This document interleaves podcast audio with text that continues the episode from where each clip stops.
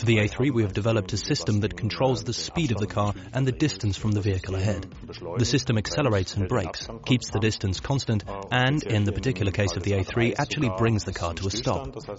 That means that the car stops automatically and, if required, will also set off again independently when the vehicle ahead moves off.